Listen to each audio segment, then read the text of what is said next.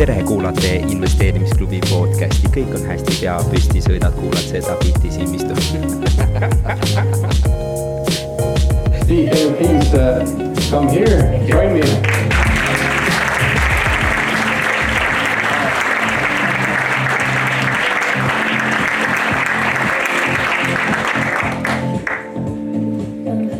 Steve has been already, you traveled to Estonia about uh, uh, on Monday, so has, has had time to go around a little bit. We took uh, him and uh, the assistant to uh, also the Debogor swamp, which was uh, probably incredible. Uh, what are the feelings? uh, Absolutely amazing, yeah.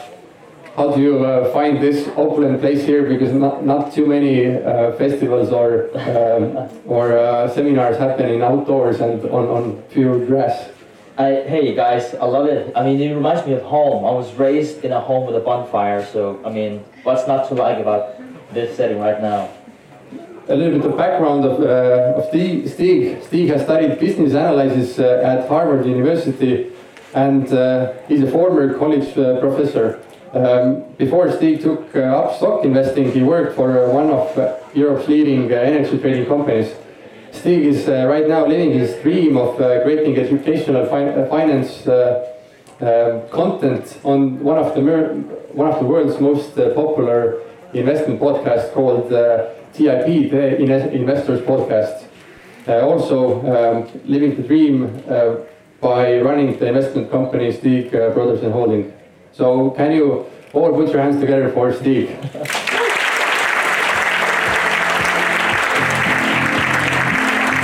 Please, please, take a. Let's try to uh, make ourselves comfortable on this uh, beanie bags. Steve, first of all, um, many people don't know you because obviously um, you don't live here, and uh, uh, and but we're really glad that uh, we could uh, fly you over, and also you decided to come here. Um, as you know, as we talked already before, uh, Investment Club is a community of investors, and that's something you do as well with TIP, but globally. So uh, we're really glad to uh, to bring you here, and you can share your knowledge to the Estonian investment community. Well, thank you for for inviting me. I mean, it's uh, it's an amazing ride. I was so lucky to be here what 12 years ago, and now I'm just happy to have a chance to uh, to go back. And uh, to start off, I wanted to ask you about uh, your background to get more familiar to all of the people listening here. So, can you please uh, share something about your uh, professional career, uh, background, and, and school and education? Yeah, um, come from a background in uh, in finance, international business. That was kind of like how it uh, how it started. And um, upon graduation, I got a, uh job as a commodities trader. So it was uh, it was a lot of fun. It's very far from what I do now in terms of, of value investing, especially when you're trading uh, within the day. Um, it can be very very stressful. You would be opening and closing positions within minutes, sometimes seconds. So it's uh, it's definitely a, a very different experience. Um, and then left. Um, you know, often I get asked this question. So, like the drive, like why did you start your own company? Why why didn't you continue on that path? And commodities trading, the basically the uh, the background I should have and what I should pursue. And I think it basically boils down to fear. And I know it, it kind of comes up weird, comes across like, what do you mean by fear? It's really the, uh, the fear of going back to the corporate financial world. I mean, as you said yourself, Marco, you would, you would never have a meeting in a place like this, right? So it's, uh, it's a very, very different experience. And uh, honestly, fear is, is really a big, big driver. Never going back to the, uh, to that world. Can you talk a little bit about that? So, what was the fear about? So, many people who start investing just want to get a little bit richer, want to be a millionaire. There's so many dreams around uh, investing and finance, but you were driven, driven by fear. So, what did it really mean to you? What did you fear of? Well, uh, I just got married uh, actually uh, while I was a student, um, um, and um, just got a job right upon graduation, as said. and I didn't see my wife for. She was actually also uh, trading in the same company.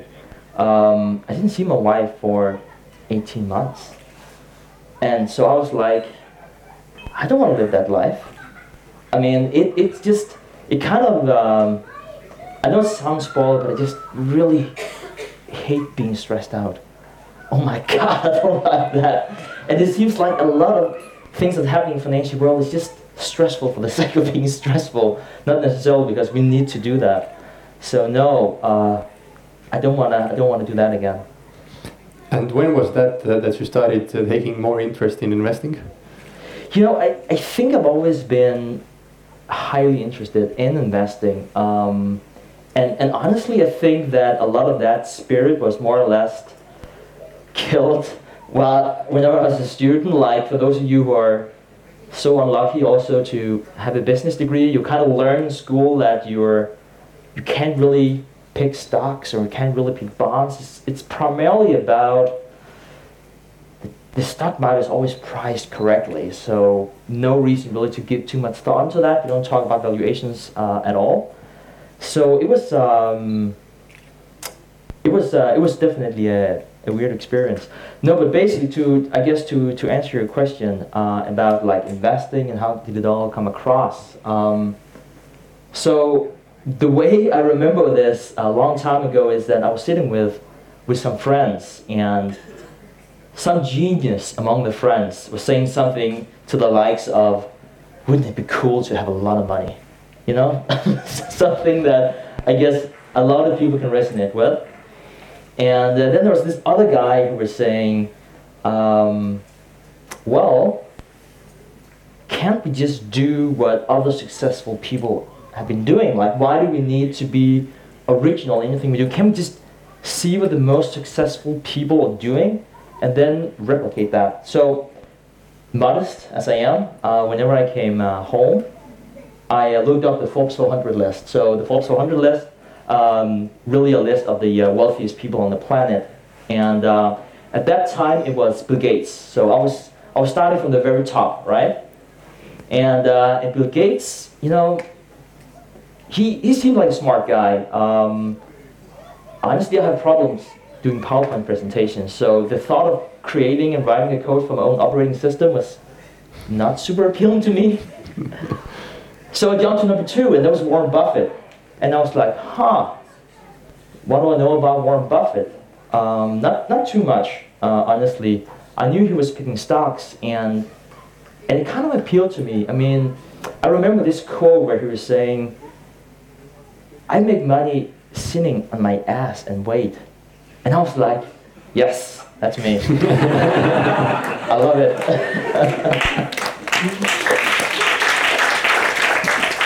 so that's that's a cool way how to um, start like basically someone threw out an idea that we could be or we could all be uh, millionaires or richer and then you took out the forbes uh, 400 list and started to look from the top who are the richest and who can i mimic in order to become successful so is that the place where you um, started to see or dig into value investing a little bit more yes uh, definitely and it just seemed to me that the way of thinking really it just it just appealed to me.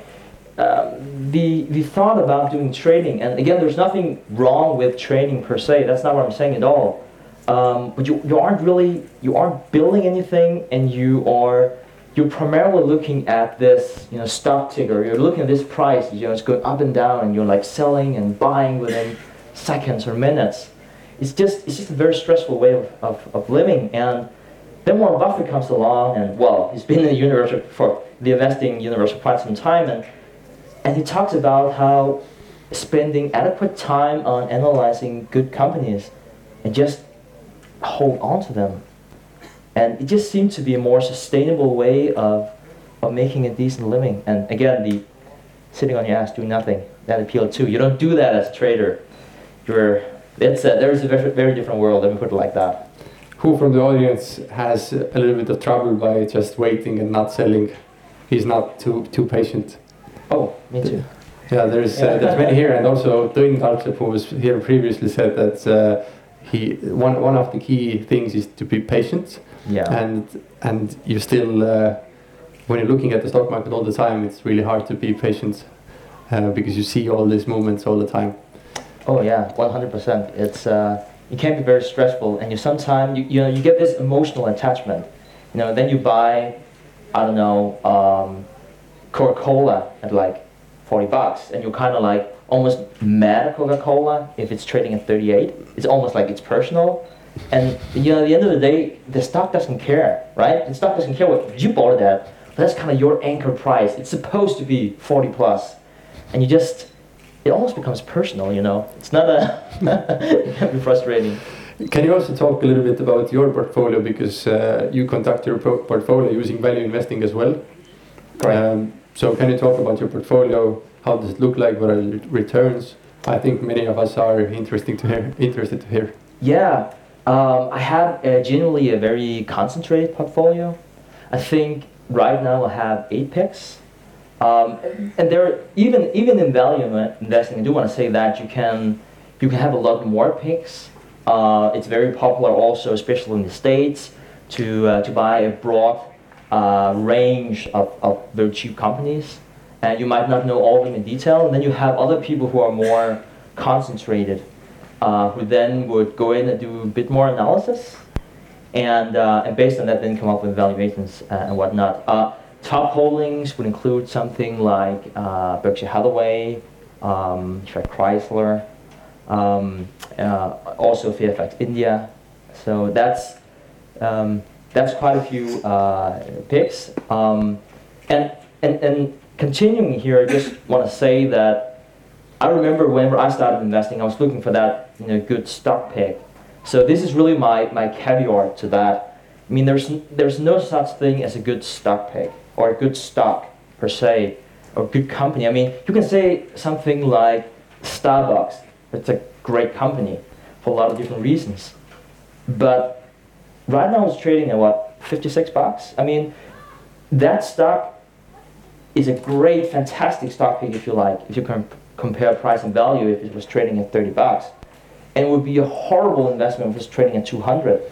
So yes, you can definitely make a great investment. But that's not the same thing as buying a great company. It's it's two very uh, different things.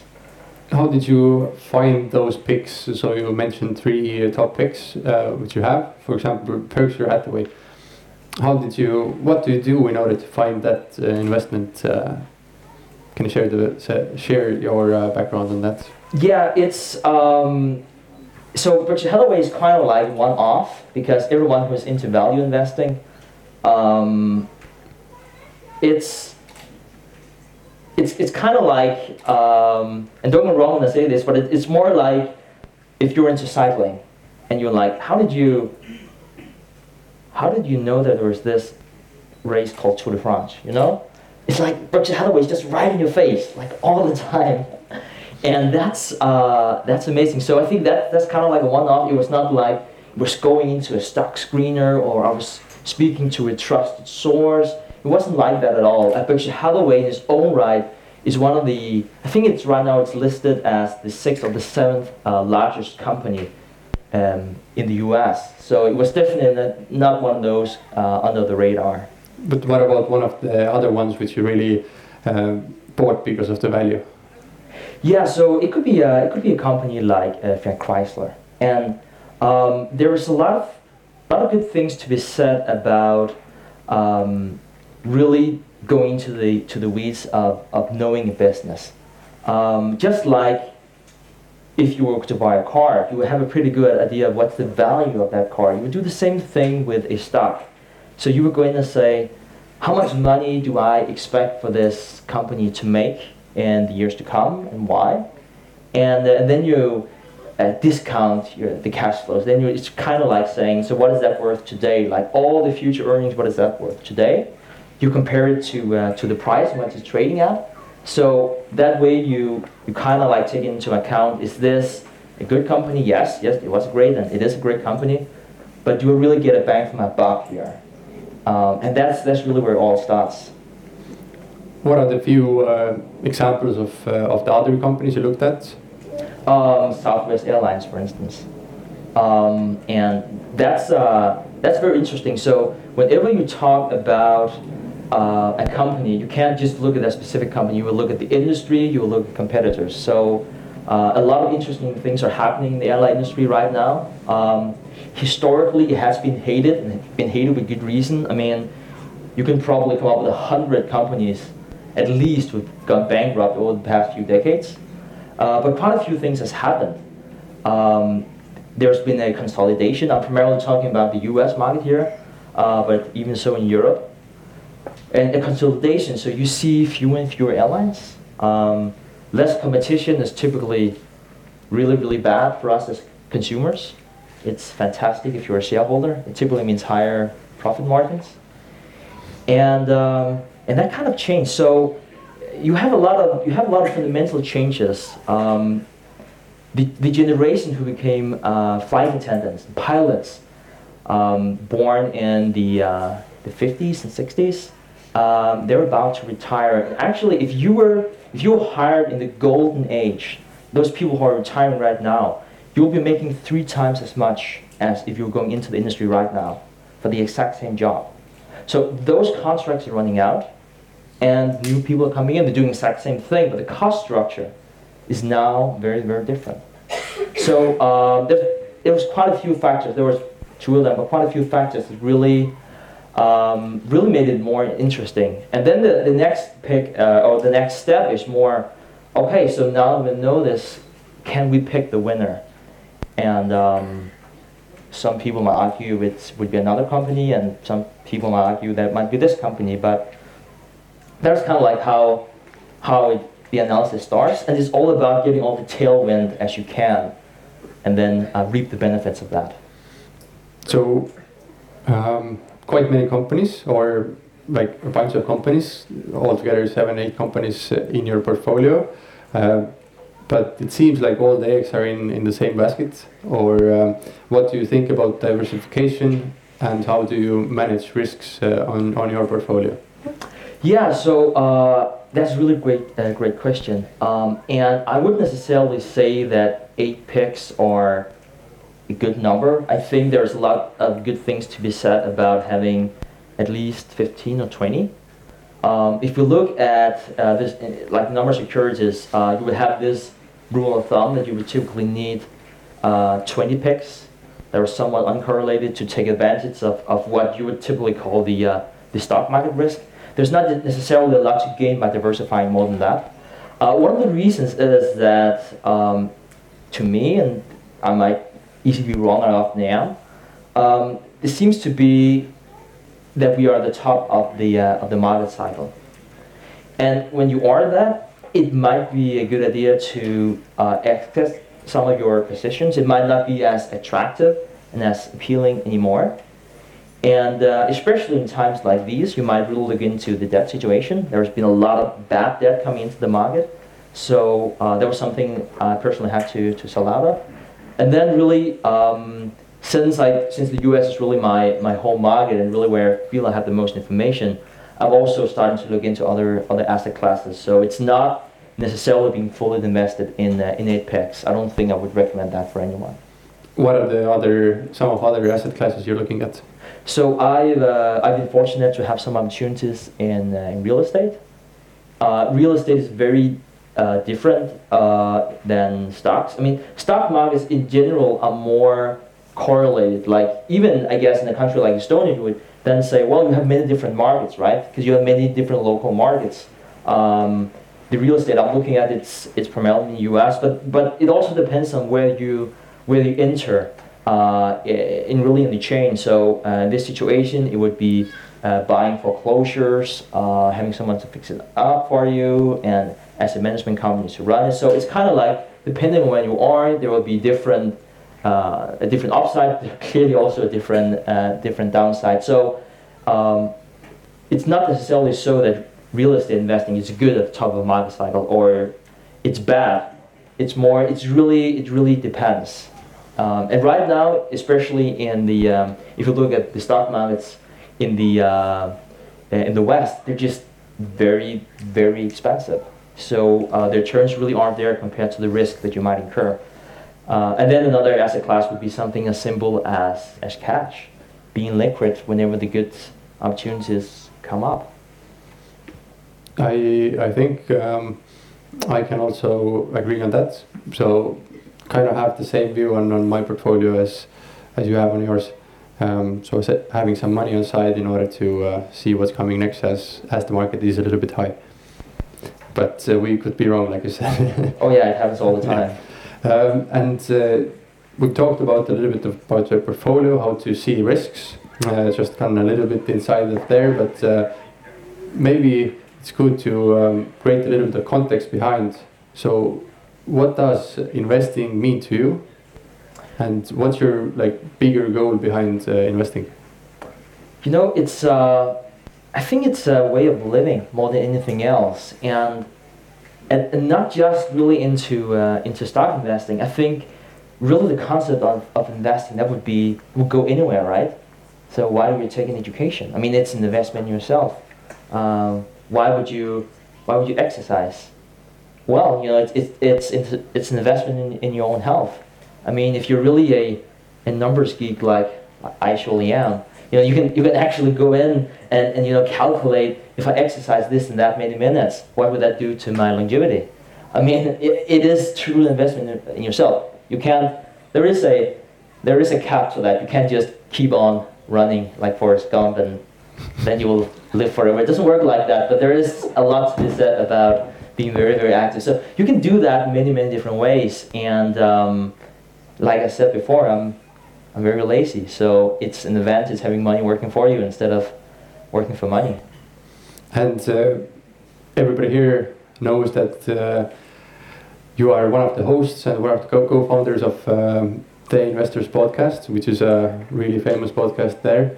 Um, and and there you've done done it over two years now, um, and many many episodes. So you probably learned a bunch.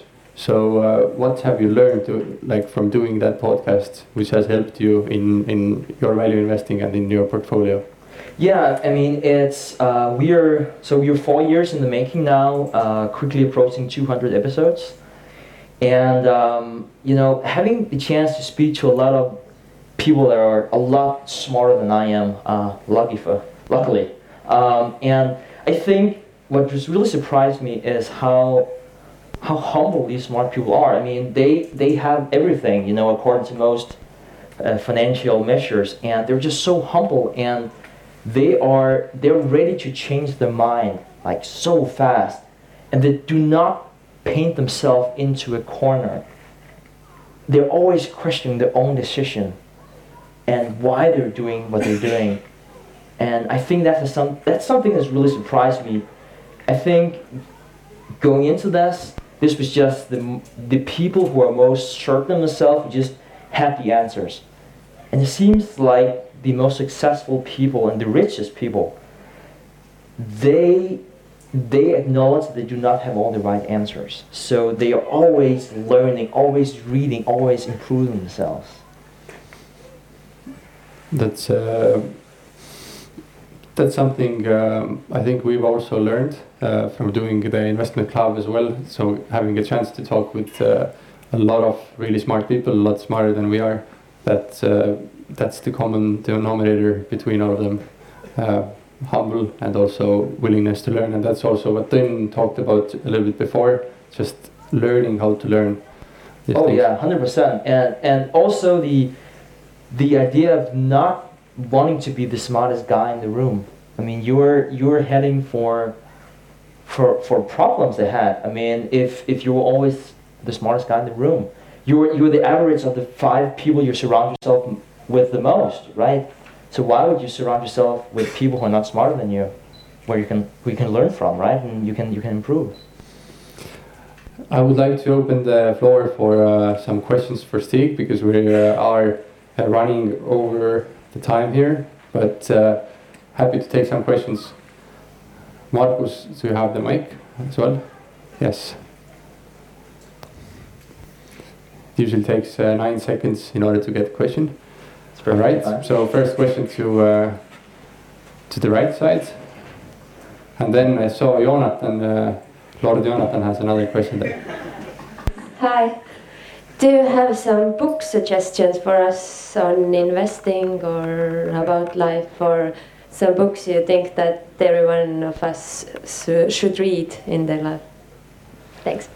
That's a good question. Um, quite a few good uh, good books. Um, one of the classics would be uh, Stephen Covey's book, um, The Habits of Highly Successful People. You know, he has seven habits. I think they are extremely insightful, and I think before starting investing in, in stocks, in real estate, in bonds, whatnot, start by investing in yourself. So if you would like to have a 10x return on any investment, uh, go ahead and, and buy that book. Uh, it's absolutely amazing. Uh, in terms of other books that are more uh, investment related, um, specifically a book like The Intelligent Investor is hard to uh, to to get around. I mean, it's it's really value investing. So it, it's kind of like if the question is more so, what is the best value investing books? It's kind of different from what is a good investing book in, in general. A lot of people would say that uh, it's it's just one uh, area of investing. I would agree with that. Um, the Intelligent Investor is quite difficult to uh, to to read though. So uh, another book um, that it, I could could mention would be One of Wall Street by Peter Lynch, a very very successful mutual fund guy and uh, Magellan Fund, and um, I think that's good. I mean, he talks in layman's terms, you know, something I, I can understand, in terms of how do you identify good investments. Uh, he brings in a little accounting, but not too much, and he does not discourage the reader like uh, many other investment uh, authors. So, So that was one up on Wall Street. yes, it's uh, it's it's a classic, and you can probably buy it on Amazon for ten bucks, twelve bucks tops. All right, and uh, Lord Jonathan, please your question.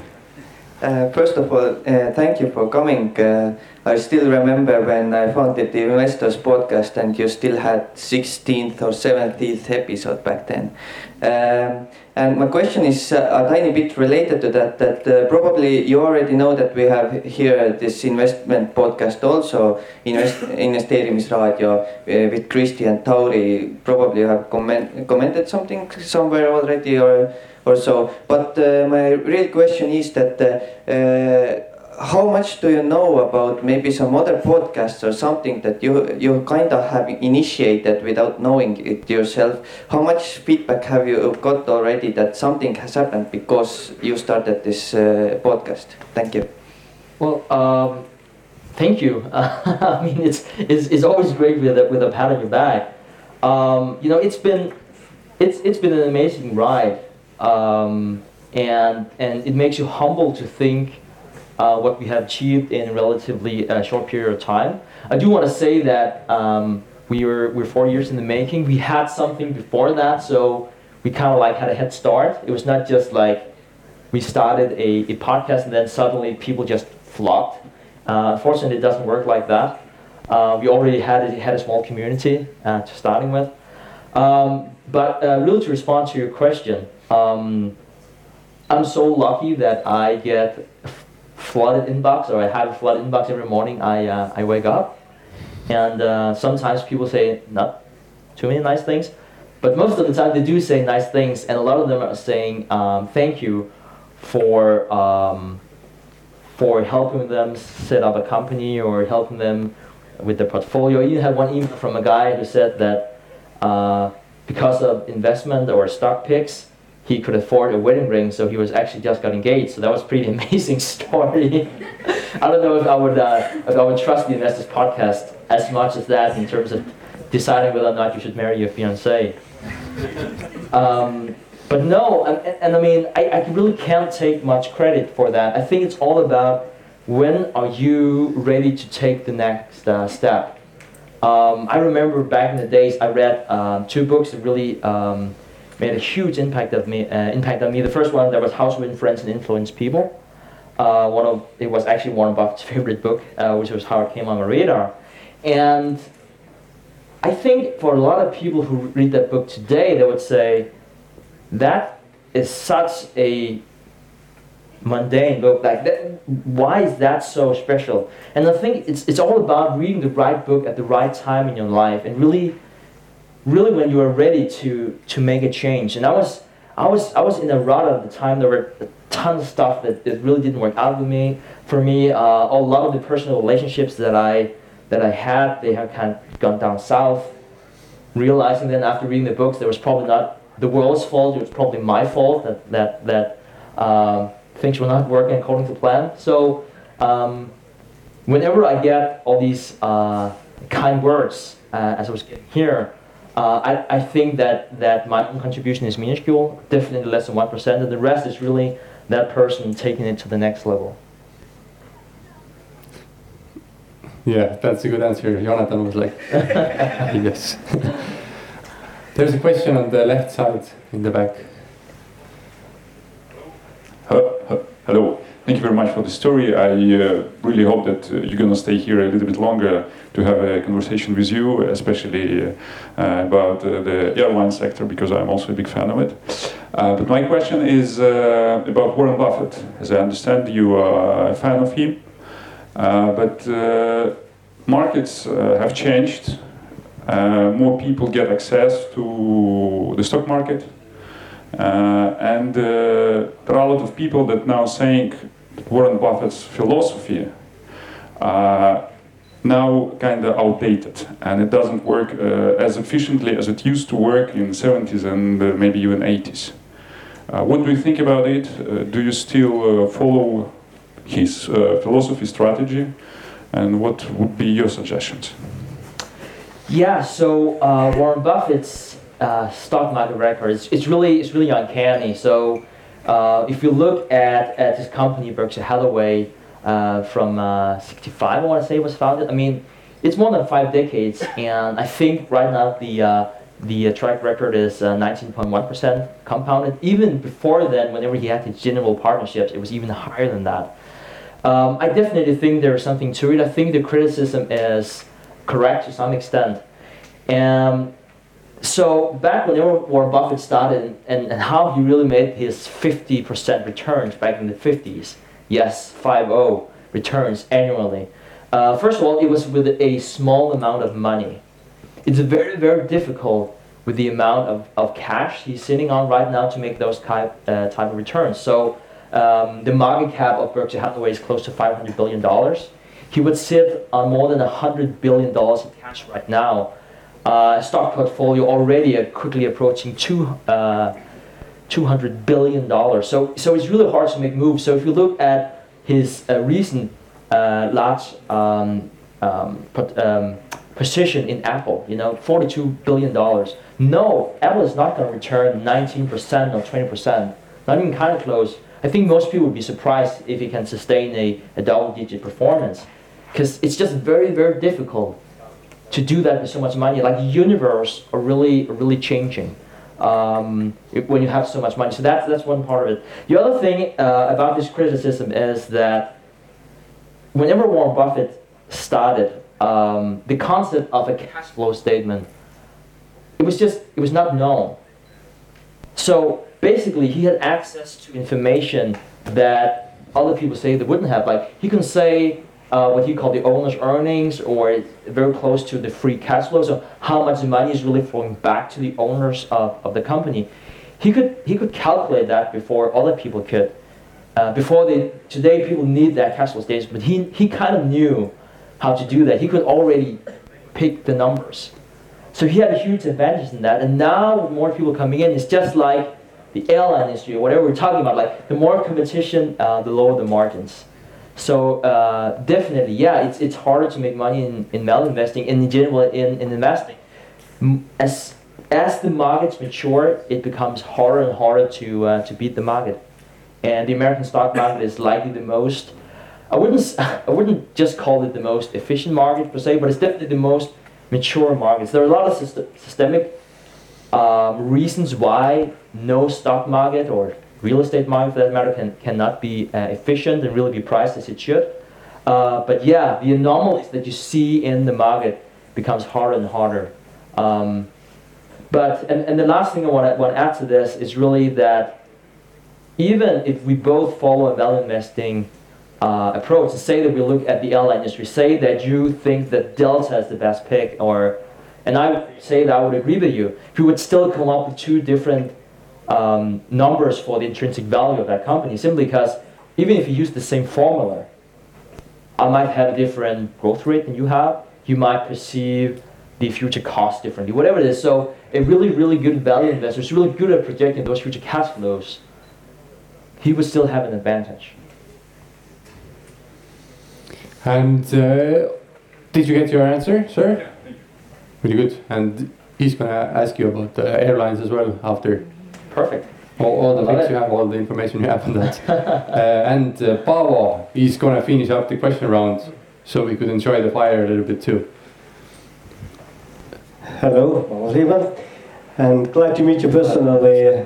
So let's give some human touch at the end. Uh, uh, you, you spoke about this law of five people around you. Who are the five people uh, surrounding you? Oh, Can you explain a bit, uh, describe these people? Thank You know, that's a good that's a good question. I think uh, one of them would be my uh, my co-host uh, Preston. He is uh, he's a smart dude. I am gonna tell you that.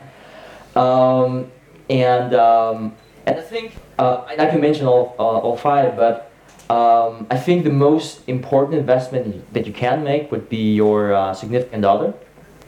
I want, do want to say I think I I made a good investment on that one.